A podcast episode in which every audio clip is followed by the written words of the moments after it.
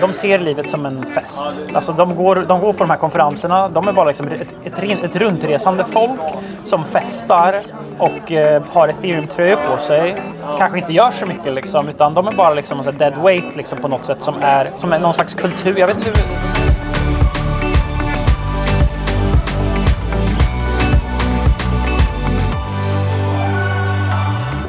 Hej, du lyssnar på Outsiders med Syding och Svan. Hej Micke, hur är läget? Det är, det är hur bra som helst. Jag sitter och funderar på Mörkrets musikaliska första, Alexander Marton, som editerar det här. Vad hade vi gjort utan honom egentligen? Då Inte vi- poddat i alla fall. Nej, då hade vi levt i mörker. Ett intellektuellt mörker.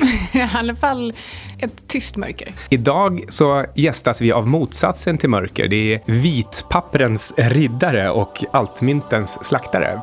Vem är det? Erik Wall och eh, det här är ju, han gästar ju podden utan att egentligen gästa podden alla Tau. Eh, för du träffade honom över en lunch när jag spenderade helgen i Nice som var supertrevligt för övrigt. Då pratade vi om eh, eter och bitcoin, vad som är skillnaderna, om de är konkurrenter, hur de kompletterar varandra. Lite kortfattat då kanske man ska säga att eh, om man bara, bara rundar ihop det innan vi eh, går in på djupet så kanske man skulle kunna säga att ethereum är som en virtuell maskin eller ett nätverk av uppkopplade datorer och ether är själva poletten eller tokenet eller valutan, betalningsmedlet för att använda maskinen och eh, kallas även bensingas, alltså ether. Och eh, bitcoin, det är pengar. Det har vi varit inne på många gånger. Eh, Man kan väl kalla det för en valuta också om man, om man vill vara lite taskig. Och ännu enklare så är det ett ägarregister. Det är lite som fordonsregistret. Vem har sålt vilken bil till vem och var är bilen nu? Och det ska inte liksom gå och tvesala de här sakerna. Nej, så vad är det vi egentligen ska prata om? För vi har ju nämligen, det var ju några avsnitt sen som vi lovade just det här avsnittet. Att istället för att ställa bitcoin mot guld, så varför inte jämföra bitcoin med en annan kryptovaluta, nämligen den största och då ether. Så vi kommer prata om varför eterianer och bitcoiners är så svåra att få sams. Och vad är det man ska köpa egentligen av de här? Och vi ska prata om huvudskillnaden att det är värdeförflyttning genom krypterad bokföring versus värdeskapande genom decentraliserade digitala finanstjänster. Alltså värdeflytt versus värdeskapande. Vi kommer göra en liten kort genomgång för dig som är ny till det här också med vad är egentligen en blockkedja? Micke har undrat så himla länge. Eh, och eh, sen ser jag också så här, ether är bara en tiondel så stort som bitcoin, så är den här fighten ens relevant? Sen kan vi hoppa direkt till slutsatsen också. Vi tycker ju att båda två har sin plats och det är precis som guld och bitcoin också båda två har sin plats. Vi har även frågat vad Erik Wall tycker. Så vi kommer kasta in kommentarer från Erik lite här och där i avsnittet. Och eh, han ser en hel del bra saker. Mm, han säger allt möjligt också, men eh, du får lyssna själv. Vi kan börja med ett citat om vad ethereum-nätverket egentligen är bra för. är ändå, alltså trots att man nu har börjat visa att man kan skriva zero knowledge proofs för vilken typ av eh, validering som helst så är det ändå ganska svårt. Så att jag tror att det krävs liksom viss, alltså transaktioner i finansiella system har ändå ganska ser likadana ut. Alla tra- finansiella transaktioner måste ju hänga ihop med de tidigare. I ett börssystem så måste man ju veta exakt vilken i ordning. I ett, I ett datorspel så faktiskt i sådana här MMORPG-spel så det är inte perfekt synkront eh, lineariserat liksom hur, hur din gubbe kan springa före på din skärm och så kan det vara fel på någon annan. Så där behöver man inte ha den här synkro, synkrona... saken. fattar jag, nu fattar jag. Nu förstår jag hur dumt men på tal om finanstransaktioner, det är nämligen så här att om man vill, eh, vi kan börja med att säga det att om man vill till exempel exponera sig mot eh, kryptovalutor som bitcoin eller ethereum så går ju det att göra via certifikat hos de stora nätmäklarna. Men ett av problemen där är ju att eh, man eh, faktiskt inte kan ta position 24 timmar om dygnet. Och eh, bitcoin och ethereum handlas ju 24 timmar om dygnet. Så hur läser man det? Man kan till exempel använda sig av IG Markets som är vår sponsor den här veckan. Det mest spännande med IG just nu tycker jag det är deras eh, Turbo 24, alltså den här turbovaranten som man kan handla dygnet runt. Sen ska vi inte heller glömma att de har den här live trading-kvällen, men det, det tar vi upp eh, precis efter, efter turbovaranten. Och det är alltså en, den kan handlas dygnet runt, fem dagar i veckan. Och den handlas på en MTF med synlig orderbok och eh, du når den eh, hur enkelt som helst på deras plattform och i mobilappen som jag verkligen gillar. Så välj knockoutnivå och eh, begränsa din risk. De här instrumenten, alltså eh, Turbo 24, de knockas ju bara när marknaden är öppen och därför behöver man inte oroa sig för att bli knockad på natten i aktieindex. Så med andra ord så är out of hours-handeln en bra möjlighet men faktiskt inte en risk. Och IG har ju en supersmidig plattform för att hitta en Turbo 24 med rätt knockout-nivå och som visar priserna på marknaden när man vill handla. Och det är till skillnad från andra som bara visar priset på turbovaranten. Och eh, här kan man ju alltså sätta en eh, limitorder om man vill eh, ta hem vinsten eller antar jag också stoppa en förlust. Och de här limitordrarna hos IG, de triggas ju på bid och ask, inte som hos andra på senast betalt. Och då betyder det att man får faktiskt mer rätt pris. Och de har dessutom en stabil market maker som inte försvinner i boken vid volatilitet eller när instrumentet närmar sig knock. Ja, det var allt om eh, turbovaranterna, alltså Turbo 24, så kolla upp dem. Men eh, vi vill också lyfta fram att IG kommer att hålla en live trading kväll tillsammans med traden Lars Hansson och det här måndagen den 9 december. Den här kommer hållas på Waterfront Congress Center i Stockholm och det är ett utmärkt tillfälle att lära sig mer om Turbo 24, se en erfaren trader handla live på scen och att träffa andra traders. Eventet är just nu fullbokat. Man kan skriva upp sig på deras väntelista för att eh, få chans att kanske få en plats ändå. Mm, så uh, mejla till event.se at ig.com. Det är lätt. event.se ig.com. Tack IG Markets. All right. Vi kommer tillbaka nu då till vad är bitcoin och vad är eter? Och bitcoin har väl de flesta förhoppningsvis lite koll på, framförallt om de har lyssnat på podden och kanske framförallt också om de har tittat på det här EFN-avsnittet som jag och eh, Erik gjorde som var bitcoin versus guld som eh, folk hävdar att jag vann. Jag tycker kanske inte att det ska finnas några vinnare, vilket ju var min poäng. Men eh, bitcoin är helt enkelt en lista på händelser i tur och ordning och den här listan kan inte förfalskas, förfalskas eller ändras i efterhand. Nej, så om det står att jag har betalat pengar för en bitcoin så har pengarna gått till en enda person och eh, det är bara en enda person, det vill säga jag, som har fått registrerat att jag äger en bitcoin. Och det här påminner ju lite om guld, för har du fått ett mynt så har det gått från någon, annan och eh, då har bara du fått det här myntet. Det är, eh, jag höll på att säga att det är som någon fungible token, men det är inte alls det. Nu tänkte jag helt fel. Men, men, och lite som guld har bitcoin också funnits längst av alla kryptovalutor, nämligen tio år. Um, Till skillnad från guld som har funnits i ganska många år mer. Men ehm, eftersom bitcoin har funnits så länge då, så har det faktiskt vuxit fast i eh, samhället. Det har blivit den här Lindy-effekten. Eter har bara funnits hälften så länge. Eter är heller inte alls någon enkel lista, utan eter är egentligen väldigt komplicerat. Det är liksom ett helt fullt programspråk som du kan programmera egentligen vad som helst.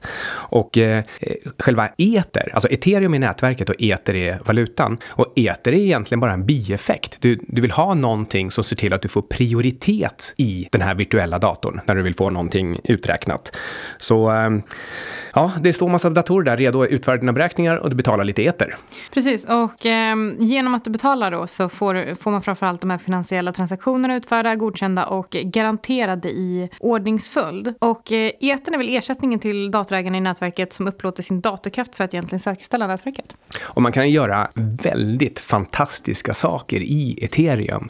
Och det gäller ju då framförallt finanssaker. Och det här var en sak som gick upp för mig nu när jag pratade med Erik. Innan dess så fick jag för mig att det här var helt enkelt en virtuell dator där du kan göra, och folk vill göra, vad som helst. Men för att det ska bli någon typ av effektivitet så vill man egentligen bara göra finansiella transaktioner, för de påminner om varandra och det är också väldigt viktigt att de sker i precis rätt ordning och synkront och eh, ja, det inte, inte blir några dupliceringar. Men däremot datorspel till exempel, det är helt onödigt att de skulle vara på något sätt synkade eller själva koden skulle köras i en blockkedja. Nej, det är inte alls onödigt, men det kan vi prata om en annan gång med Christian Ander. Det finns användning, det finns eh, saker man kan göra för det. Sak samma, vi pratar om det någon gång. Men eh, man, kan göra, man kan göra i princip vad som helst. En 14-åring skulle kunna bygga sin egen börs och ingen kan säga att han inte har tillstånd eller kunskap. Nej, så det är bara den som är smartast, gör bäst tjänst. Den kommer också få folk att ansluta sig och notera sin aktie där, skapa sin egen automatiska market maker för sin egen aktie kan man göra i eh, ethereum. Det är, det är alltså faktiskt riktigt häftiga grejer. Så det är... Mångsidigt och värdeskapande och eh, lite till skillnad från tegelstenen bitcoin om man nu får kalla det för det. Men kanske har ethereanerna för stora ambitioner. Det säger i alla fall Erik. Jag tror att ethereum kommer vara, kommer vara det projektet som vi tittar tillbaks till och minns med väldigt varma minnen Men det blir kanske inte ethereum som... Alltså det är för, för, för lite... För, they flew too close to the sun tror jag. Liksom. Alltså, de, kommer för, de, har, de, de försöker skala på alla möjliga sätt samtidigt. De ska både göra sharding, proof of stake och eh, de här zero knowledge proof sakerna samtidigt. Eh, de kommer skapa sådana här... Micke förresten, förutom de här lakanen från eh, Charles Hill så är det något annat som gör att du sover gott om nätterna och håller dig varm framförallt. Jag har varma och mjuka kalsonger från CDLP. Det är ju de här som är gjorda i eh, det här miljövänliga och lyxiga eh, materialet lyocell. Det är egentligen en, en träfiber. Men den håller då kalsongerna väldigt fräscha och som jag också har märkt är att de, de håller tvätten väldigt, väldigt väl. Kalsongerna som jag har på mig nu har jag ju tvättat massor med gånger och resåren ser helt ny ut. Tack för informationen. Det är väldigt bra att jag har fräscha kläder. Det är bra. Och eh, nu är det ju snart jul och det är det här man vill ha nu när det är gifting season. Och har man inte gjort det än så bör man sätta CDL på, på önskelistan till sig själv om du är man. Men kanske till din eh, pojkvän eller eh, man om du är tjej. Eller man för den delen. Och eh, det här är alltså en helt perfekt present till din favoritperson. Jag vet vem som ska få av mig. Ja, jag kan ju gissa vem. Men inte du i alla fall. Nej. Eh, Högtider är ju också restider och jag har ju ressäkrat de här över Atlanten flera gånger. Och eh, om du ska resa och hälsa på släkten, kanske flyga eller köra långt i bil, så eh, ta med ett trepack CDLP-kalsonger eller fempack strumpor i bambu. Eller deras lyxlångkalsonger om du ska åka skidor kanske. De har faktiskt en egen butik på Stureplan 19 och det finns på NK i Stockholm och Göteborg om du vill klämma och känna lite på materialet. Och det är perfekt att köpa nu när det är Black Friday. Eh, så att du kan köpa något riktigt, riktigt bra till eh, din favoritperson som kan få användning för de här. Mm, det här är en meningsfull present om någon. Men ska vi backa lite till eh, blockkedjetekniken? Hur nu är det så här, Micke du är super, super, eh, supersugen på att få veta vad en blockkedja är. Ja, det är jag. Jag har eh, länge funderat över vad jag har i portföljen egentligen. Men eh, så här, vi, blockkedjan som eh, både ethereum och bitcoin bygger på. Eh, du behöver egentligen bara komma ihåg att kedjan är obrytbar och det här gör att man alltid vet exakt vem som äger vad. Och eh, det går till ungefär så här. En blockkedja är en kedja av block, precis som det låter. Blev det klarare nu? Ja, men ganska. Men jag behöver nog veta mer. Okej, men ett block är en koncentrerad informationsenhet om en eller flera transaktioner. Till exempel, du köpte ett block av mig eh, och varje block innehåller spår av alla historiska transaktioner genom en sum- summeringsteknik. Alla. Innehåller den verkligen spår av alla? ja, Det verkar vara en smart summeringsteknik. det är en smart summeringsteknik. Och eh, det som är ännu smartare är att det är jättemånga datorer som dubbelkollar att det bara finns ett sätt som alla transaktioner kan utföras på. Och det ser till att kedjan är obruten och oförändrad och eh, får betalt för att göra det här. Ja, okej. Så eh, ethereum har en blockkedja och bitcoin har en annan typ av blockkedja. Men i grund och botten så summerar de ihop de här blocken på något mystiskt sätt så att de egentligen aldrig blir så himla mycket större men innehåller information om allt som har hänt. Men varför pratar vi egentligen om ether versus bitcoin när bitcoin är tio gånger så stort? You tell me. Det är ju nämligen så här att precis som vi hävdar när det kommer till guld versus bitcoin att den diskussionen egentligen är lite fånig så vill vi komma in på samma spår här. Både bitcoin och ethereum kompletterar varandra men många tror att konkurrensen är den viktigaste aspekten. Men ether siktar inte ens på att bli en valuta. Nej, alltså så att den vill inte ens bli ett store of value eller medium of exchange, utan den var egentligen bara tänkt som en slags eh, prioriteringspolett. När jag vill få något utfört i den här virtuella maskinen så måste jag liksom ändå säga att ja, men det, det är just jag som ska få det utfört nu. Och då klickar man dit en, eh, en eh, eter och så får man grejen utförd. Och den här etern måste ha, för att få tag på den så måste den ha någon slags värde. Och eh, Erik Wall, vår eh, riddare, vår kryptoriddare, han eh, tycker följande om att försöka välja sida. Sån, de flesta personer är ju liksom antingen bitcoiners eller ethereumers. Sen så finns vi en liten klick, vi som är mellan där. Och jag tycker egentligen att det är de enda personerna som jag får något intellektuellt in- utbyte av nu. För att folk som bara förstår bitcoin och håller öronen för ethereum och inte vill bry sig om DeFi. De missar verkligen någonting. Alltså, Nej, men, och, och, det var ju, var ju faktiskt det jag kände. Varför ska man vara antingen eller här? Eh, det, är- antingen så har jag missförstått någonting fullständigt eller så är det snarare så att det, det behövs dels ett, dels ett avsnitt som tar upp kampen mellan de två, men också kanske varför man ska ha båda.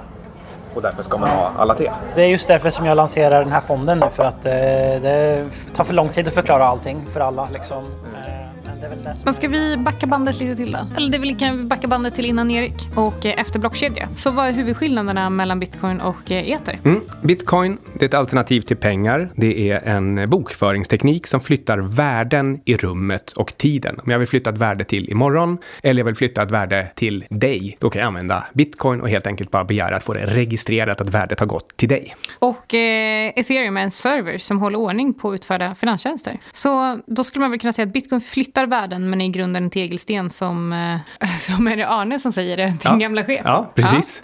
Ja. Och eh, ethereum skapar värden. Ja, det utför ju tjänster. Alltså det här är ju någonting som händer på riktigt. Det är liksom precis som om någon städare utför en tjänst så skapar man ju ett värde, man skapar renhet. Och i det här fallet så kanske man utför en börstjänst, alltså en virtuell börs för aktier eller andra tillgångar. Och eh, valutan ether, det blev liksom som en olyckshändelse. Som, en, eh, som ett resultat av ethereum. Ja, och den här olyckshändelsen, den kan man säga, den fortplantar sig. För eftersom systemet är skapat så att varje gång som du vill köra nya saker, då det skapas ju fler eter i takt med att du vill eh, utföra eh, fler finansiella tjänster eller, eller andra, annan kodkörning. Det här innebär att på eh, fem år som det har funnits, då har det skapats ungefär 100 miljoner stycken. Så det skapas ungefär 20 miljoner stycken om året, eller det, det, det är maxtaket. Jag tror det är 18 miljoner egentligen. Och eh, det här alltså innebär ju alltså att på grund av konstruktionen och på grund av att själva etern är en olyckshändelse så har det fått till följd att det har fått 20 procents inflation som olyckshändelse också. Så typ hyperinflation. Ja, fast,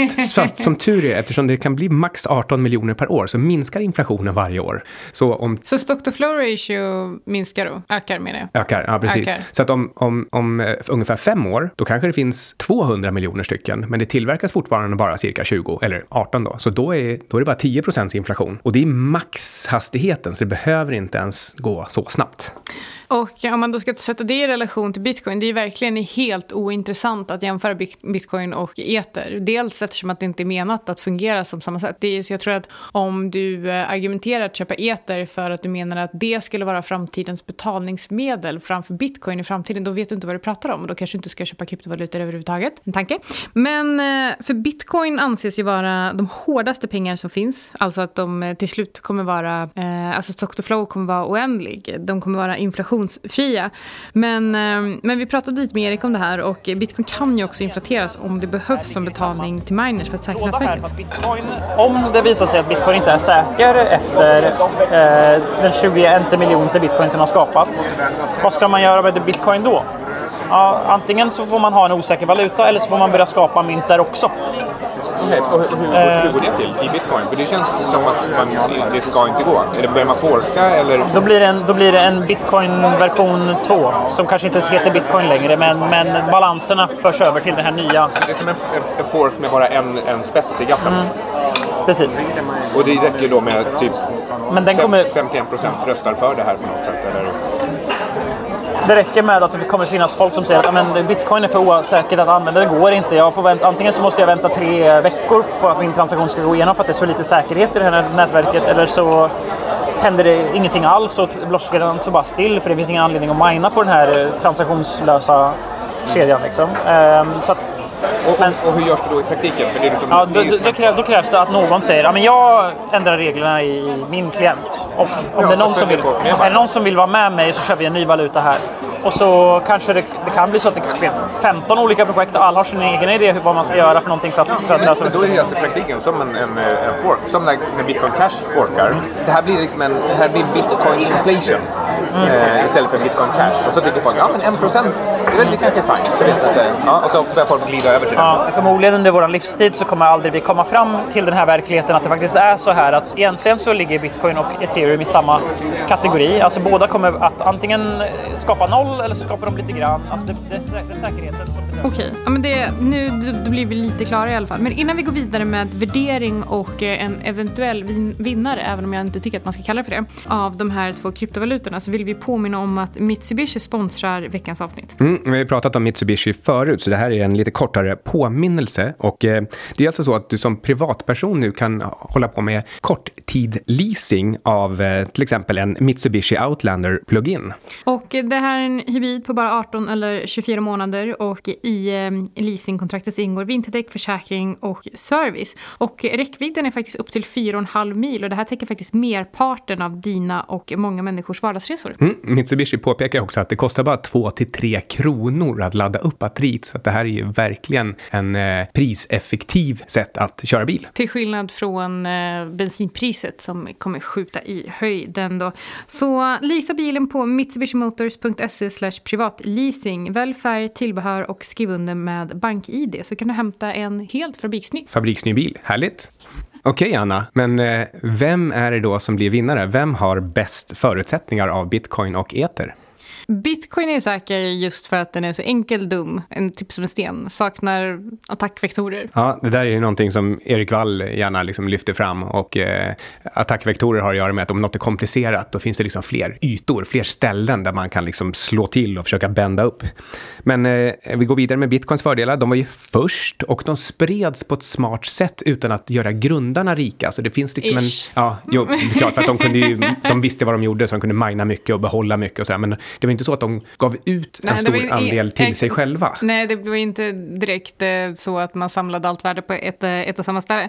Och eh, det här är ju redan en killer application som används i stor skala. Och de här sakerna tillsammans, de gör ju också att många av de bästa utvecklarna, de attraheras av bitcoin. Och enligt, eh, som vi kommer höra lite av Wall sen, så även de uthålligaste och tuffaste. Jag har ju dock en infallsvinkel på det här. Mm. Eh, någon jag känner, undrar vem, som är ingenjör, eh, menar att eh, man inte gjort fram, några framsteg på två år i eh, utvecklingen av bitcoin. Och att han säger att jag vet inte vilken teknik som har stå, stått still i två år och som sen gör stora framsteg. Det här låter som ett geni. Han är ett geni. Alltså jag, jag tycker han har ju faktiskt eh, väldigt mycket rätt där. Och, och jag tror att du har varit inne på det där förut också i, i diskussionen om guld. För att om, om bitcoin inte ska utvecklas överhuvudtaget på tio år framöver och annan teknik utvecklas, mm, man har ju svårt att liksom, jag menar, vi bara utsträcker hans argument om två år till tio år så blir det ännu mer absurt. Men jag tycker där kommer ju Erik Wall också in och säger att man kommer forka om det behövs. Okej, så det är väl det han menar med att de är uthålliga då. Så frågetecken eh, som vi egentligen har haft är väl om inflation och som vi redan har nämnt.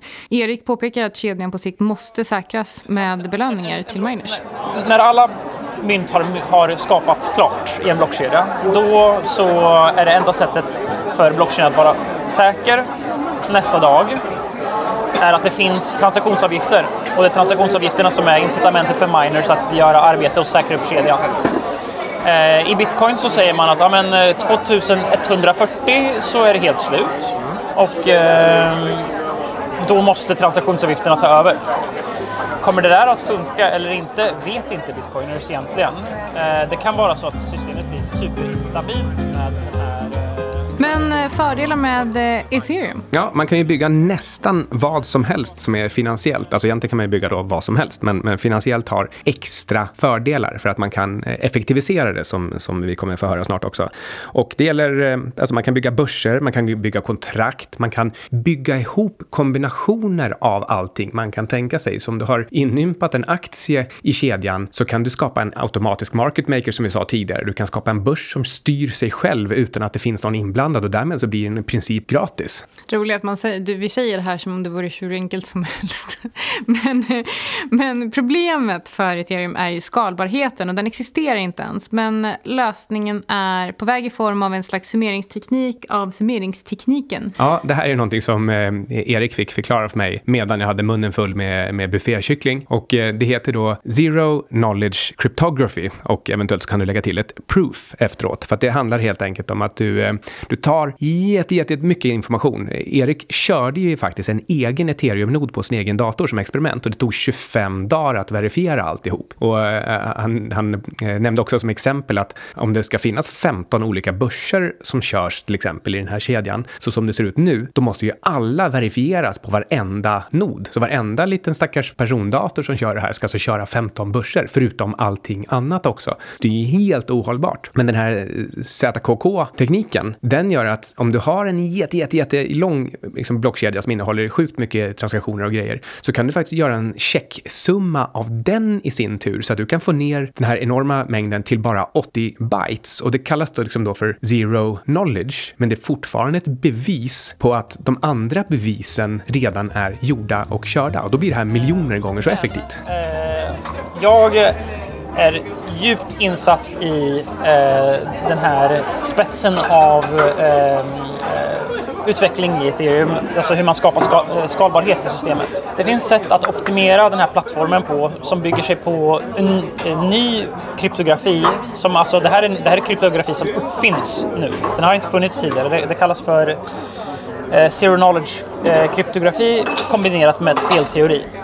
Och jag tror att några av världens mest intelligenta människor eh, sitter och utvecklar de här sakerna just nu. Eh, jag är i de chattgrupperna där man kommer på de här nya primitiverna och jag ser hur de här... Och det, alltså det, man, det, det är en sån... Det är en sån eh, uppslutning eller kärna av sådana här människor nära varandra som är bland de världens smartaste människor som jag tror lever på den här planeten just nu. Alltså det är liksom kvant, eh, kvantfysiknivå på de här människorna som sitter och, och pysslar med det här. Samtidigt så är det att de är så himla... De vet att det de sysslar med just nu det är superintressant och det kommer förändra världen. Eh, så att de vill ju liksom ligga i framkant med det här. De tävlar mot varandra. Så att eh, de verkligen liksom sliter arslet av sig för att bara liksom ligga i framkant och vara den som pushar the boundaries lite längre fram. Problemet, problemet är att en, en vanlig människas dator kan ju inte köra Eh, 15 olika Nasdaq-system på sig. Och det måste den göra för att det är så blockkedjor funkar. Alla måste validera allting. Om du kan skippa 100 000 signaturer och bara validera den här zero knowledge eh, proof-beviset så kan du skippa så mycket av valideringen. Det är 80 bytes och den bevisar den bevisar så otroligt mycket. Det är helt, ja, typ här... allt det som du skulle ja. ta 25 dagar på din dator ja, att köra. Precis, precis. Det, finns det, finns, det, finns, det finns faktiskt sådana komprimerade till 80 bytes bevis som, be, som bevisar en hel blockkedja. Liksom. Man bara, ja, här är 80 bytes och den bevisar att all, allting som jag kommer säga om den här blockkedjan stämmer. Du behöver inte validera någonting jag säger för du ser den här 80 bytes. Så att de här primitiverna håller man på att eh, lägga, pussla in i de här systemen nu. Så att jag tror ju, jag tror ju på det här. Jag tror att vi kommer att lösa skalbarhetsproblemen med, eh, med våra blockkedjor. De kommer att bli bättre och ha högre prestanda än någonting annat som finns i den existerande eh, världen nu. Alla banker, alla eh, börser kommer... Så om skalbarheten fixas så skulle Ether kunna ta över bitcoins roll som eh, huvudkryptovaluta då? Trots 20% inflation? Vad tror du? Nej, alltså det kanske ändå inte är så att eh, Ether eller ethereum kommer ta över. Men eh, ingenting är ju enkelt här, så kanske ska man faktiskt äga Ether ändå i viss mängd. Och det gör ju både du och jag, kan jag ju tillägga. Ja, det här är trevligt, bra. Det, det verkar som att du hänger med. Hänger med. Men Erik ser framförallt två hot som gör att eter ändå inte kan komma ikapp på sikt. Ja, dels är det ju det här att man försöker göra för mycket på samma gång. Det spelar liksom ingen roll om du löser skalbarheten om du gör det för komplext. Om du försöker eh, införa ZKK och proof of stake istället för proof of work och, och du försöker göra ytterligare liksom, saker helt enkelt på samma gång, då finns det en risk att du förr eller senare får en riktig härdsmälta, alltså ett slags Lehman Brothers där koden kör ihop sig och du kan inte reda ut vem det faktiskt är som äger vad. För har koden kraschat så har den. Keep it simple stupid. Please don't launch your token here, liksom säger de nästan, nästan lite grann. Men ja, it's too crowded, nobody goes there anymore. Ja, ja. Hur kan det vara too crowded för att ingen går dit längre? Så var det förresten på restaurangen i, uh, i Monaco. Vi var på, jag blev, uh, jag blev medtagen till ett ställe som heter Le Louis 15 som är en av världens 20 bästa restauranger. Tre Michelinstjärnor. Vad heter han? Ducasse? Alain Ducasse. Alain Ducasse. Jag har ju faktiskt också ätit hans mat. Han var gästspelare på ett hotell i Paris. Mm. Det var helt fantastiskt eh, faktiskt. Och eh, jag är ju en foodie så det var verkligen en upplevelse som, eh, som jag uppskattade. Jag Men ska du gå dit igen så får vi väl hoppas att eter går upp ganska mycket värde och vad är potentialen för det? alltså det finns i närtid ändå ett case. För Erik eh, har gärna 20% i eter. För att eh, eter är ett av de mest intressanta sakerna just nu. Och han är ändå redo att rida det här projektet så länge de har momentum, säger han. Vi eh, pratade lite grann om hur eh, man kan se på aktier på samma sätt. Alltså, egentligen så ska du göra en kassaflödesprognos på 50 till oändligt antal år. Och egentligen ska du också fundera på eter på samma sätt. Kommer det här kollapsa under sin egen tyngd eller inte? Men tills vidare så säger han också att det är faktiskt, precis som för bitcoin, så är det också så att några av de absolut smartaste utvecklarna, de finns i ethereum-nätverket och de gör väldigt, väldigt spännande saker. Så Erik vill rida den här vågen så länge det går, så länge den har momentum. Okej, men Micke, hur löser vi den här knuten? Hur värderar vi bitcoin versus ether? Det är inte lätt. Det är så mycket saker som samverkar. Ehm, en sak är att eh, värdet för just eter, det byggs upp av tre saker. Det är store of value, medium of exchange och sen det här också att, att det, själva etern ska användas som bensin i maskinen. Och du måste, den måste ju först och främst användas som bensin i maskinen och det ska leda till att du också tycker att den är värd så mycket att du använder den som en medium of exchange, alltså som en slags valuta. Först då vågar man ju ha den som en, en store of value-produkt också. Men börjar du vilja ha den som store of value eller att du hamstrar för att eh, använda den som proof of stake i nätverket, ja, då suger du ju undan ett antal av de här enheterna från själva nätverket och då stiger värdet desto mer på de som faktiskt används. Så, så all, de här tre, de förstärker varandra hela tiden och är också avhängiga av varandra. Eh, store value är ju ett, en sån sak. Om folk lagrar och vill ha store value, det är en grej. Medium of exchange, en all, annan grej. Eh, som också kan suga åt sig värde. Eh, sen så har du en tredje sak som suger åt sig värde, vilket är att folk måste faktiskt köpa ethereum för transaktions för att kunna betala för eh, Sina sin körningar. processorkraft. just det är tre olika kategorier. Jag resonerar som att man plussar ihop de tre. Ja, Eh, och så får man sin värdering. Ja, och det, det håller jag verkligen med om. Och, och, men sen är det ju också, eh, de interagerar ju. För att om, De amplifierar varandra. Om, om, medium of exchange efterfrågan är nästan noll på låt oss säga bitcoin. Mm. Då blir liksom store value-frågan också mums. drabbas. Ja, den blir så här, vad ska du, jag varför ska du då tro på en store value om någon, ingen någonsin ska använda den De, de, de, de hänger ihop. De är inte helt, man kan inte helt separera de här grejerna. De, en, om, om ethereum blir ett supergenomslag som eh, medium of exchange och bitcoin, alltså då så blir det antagligen så att då kan ethereum kanske kannibalisera väldigt stor del av, av stor value eh, delen också. Så ja, kanske så är det här decentralized finance. Det kanske är en killer app. Erik har ju till och med sagt att det, en, det, en det finns bara två ordentliga applikationer av eh, de här kryptografiska metoderna än så länge. Bitcoin som valuta och decentralized finance, alltså det här att man kan till exempel bygga börser. Det, det är de enda två riktigt ordentliga applikationerna. Ether, det som är det här som, det, det folk gör misstag med ethereum tror jag, är att man, man, man kanske fattar den här, jag, jag är själv supersåld på DeFi, det som kallas för DeFi i ethereum. Har du hört, har du hört den eh, ordkombinationen? alltså D-kolon FI eller? Eh, DeFi som wifi fast de, eller, DeFi, okej. Mm, DI, det står för Decen- Decentralized Finance. Eh, den aspekten med ethereum är eh, det är bara egentligen två saker som jag är intresserad av i kryptospacet och det är bitcoin och DeFi. Det är de två kategorierna som jag, eh, som jag brinner för. Och det DeFi är Eh, Ta, ta några enkla use cases bara. En, eh, istället, istället för att du har en... Eh, du går och anlitar någon för att vara market maker för din aktie. Vilket nu du får göra. Du får anlita Mangold, eh, fondkommission eller vad de heter. Och så får du betala dem pengar för att de ska sitta och ställa ut eh, order, ordrar för dig på Nasdaq-börsen. I ethereum så har du decentraliserade börser som körs helt bara, de körs bara som ett helt automatiserat, maskineri som inte är custodial, alltså det, det, folk swappar tillgångar mellan varandra utan att lämna över dem till en tredje part. Det finns dessutom market makers på de här decentraliserade börserna som ställer ut orderdjup som också är helt automatiserade, alltså som inte finns en människa bakom. Det är en algoritm som kör dem och de funkar bra. Dessutom så har vi den här permissionless innovation aspekten. Det finns ju kodare nu som har kommit in i finans. Bara, de sitter och bara liksom, okej, här vi, de ser det nu som liksom någon slags reglerfunktionsmässig sak och så, så blir det ett helt ingenjörsprojekt bara av den här finansiella funktionen. Jag ser lite grann finansbranschen som jag har jobbat på, Cinnober och så. Det finns en del ingenjörer där men det är fortfarande liksom någon så här, det är fortfarande typ finansvärlden. Men nu så, det här kommer bara bli kod. Finans kommer bara vara ren programmering, kod och sen lite grann modellering på det här liksom. Och, och finansfolk Folk kommer bli liksom en töntigt eh, alltså money manager-folk liksom. Men, men, men, men hela plattformen och hela den här världen kommer byggas upp av Eh, precis på samma sätt som vi har eh, folk som bygger Android-appar. Liksom. Någon lanserar en app och så blir den populär. Precis på samma sätt som appar går virala och blir stora. Alltså teknik, för, eh, teknik det blir en helt teknik, teknifierad eh, värld och som är helt öppen för vem som helst att börja koda på. En 14-åring som är grym på att koda kan bygga nästa decentraliserade börs. Men så kanske man skulle kunna sammanfatta det lite som jag vill sammanfatta bitcoin versus guld. Håll inte på och välj. Titta på båda två. Komplettera och förstå att det är kompletterande produkter.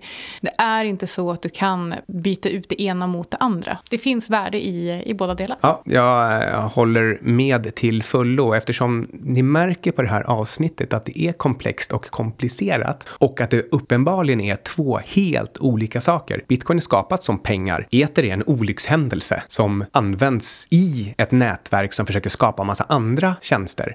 Ja, då ska man nog inte köpa Ether för som pengar. Däremot så kan man ha det som en, en spän, ett spännande derivat på en, en kanske epokgörande händelse där finanshändelser flyttas från de coola killarna på Wall Street till de tidigare nördarna. Och eh, Erik har ju eh, några tankar om the cool kids för Ether. Tänker du på Taylor Swift där? Nej. Jag separerar väldigt mycket på det här. Det här som jag kallar för DeFi tror jag jättemycket på. Uh, är ethereum de som kommer att fånga DeFi?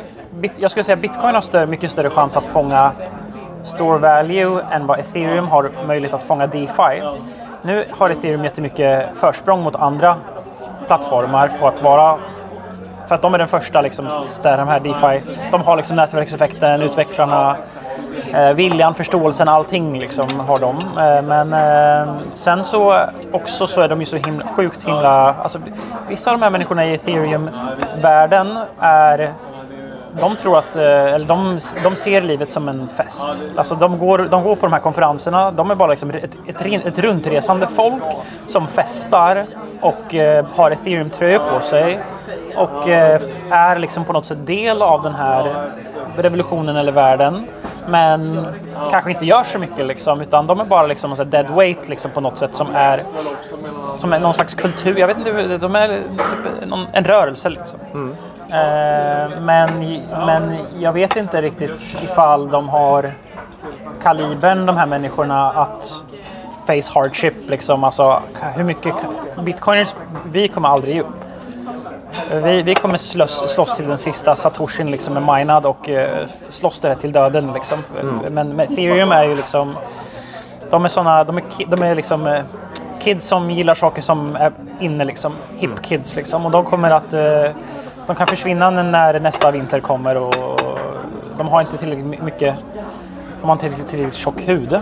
Ehm, och, och, så försöker de ju, de har så himla mycket krav på något sätt också att hålla igång det här som de har. Så att så fort det, så fort det förändras på något sätt så kan hela ethereum-communityn spricka tror jag. Mm. Ehm, så det är någonting väldigt ephemeral, hela ethereum-fenomenet. Ja, I korthet så verkar han ju rätt skeptisk till Etherkidsens uthållighet. Det är lite som att eh, köpa Tesla idag och hålla tills man dör för att man tycker att Elon Musk är jättebra och så blundar man för att rutorna går sönder när han ska visa att de inte går sönder och så vidare. Tänker inte alls på någon speciell person nu överhuvudtaget. Jag, jag, undrar om vi ska passa på när vi ändå är här att nämna kanske Spotify. Det kom en nyhet precis innan vi satte oss. Men den är bullshit. Jaha, de okay. blir, men de blir ju stämda hela tiden. Ja. Och i det här fallet så var det nämligen så att eh, de upptäckte att det var robotstreams och därför plockade de ner spåren och nu stämmer det här skivbolaget Spotify för eh, eh, royaltyutbetalningar som de här robotstreamsen har gjort. Så det, och, men det här ser vi ju var och varannan dag på Spotify. Mm. Så eh, det var väl det vi hade att säga om det. Det ja. var skitsnack. Bra, bra. Ehm, och jag har inte hunnit kolla upp kursen idag men förhoppningsvis så händer det inte så mycket. Jag tänkte säga något om Azelia också, för de hade bolagsstämma igår och rapport igår. Vad jag tycker är föredömligt med det här företaget är att alla nyheter är ju redan ute. När någonting händer så skickar de ut ett pressmeddelande som är väldigt tydligt. Vad är Memorandum of Understanding? Vad är en faktisk order? Vad har vi utvecklat? Vad fungerar? Så det kommer ingenting nytt när de gör en bolagsstämma eller en kvartalsrapport. Det vill säga, allting tuggar på exakt som vanligt och i mina ögon så tuggar det på väldigt, väldigt bra det här som är som vanligt. Men eh, marknaden har fortfarande inte riktigt förstått. Det är oavsett en spännande resa att följa som vi fortfarande är med på. Men eh, då har du lyssnat på Outsiders. med Sydney Swan. I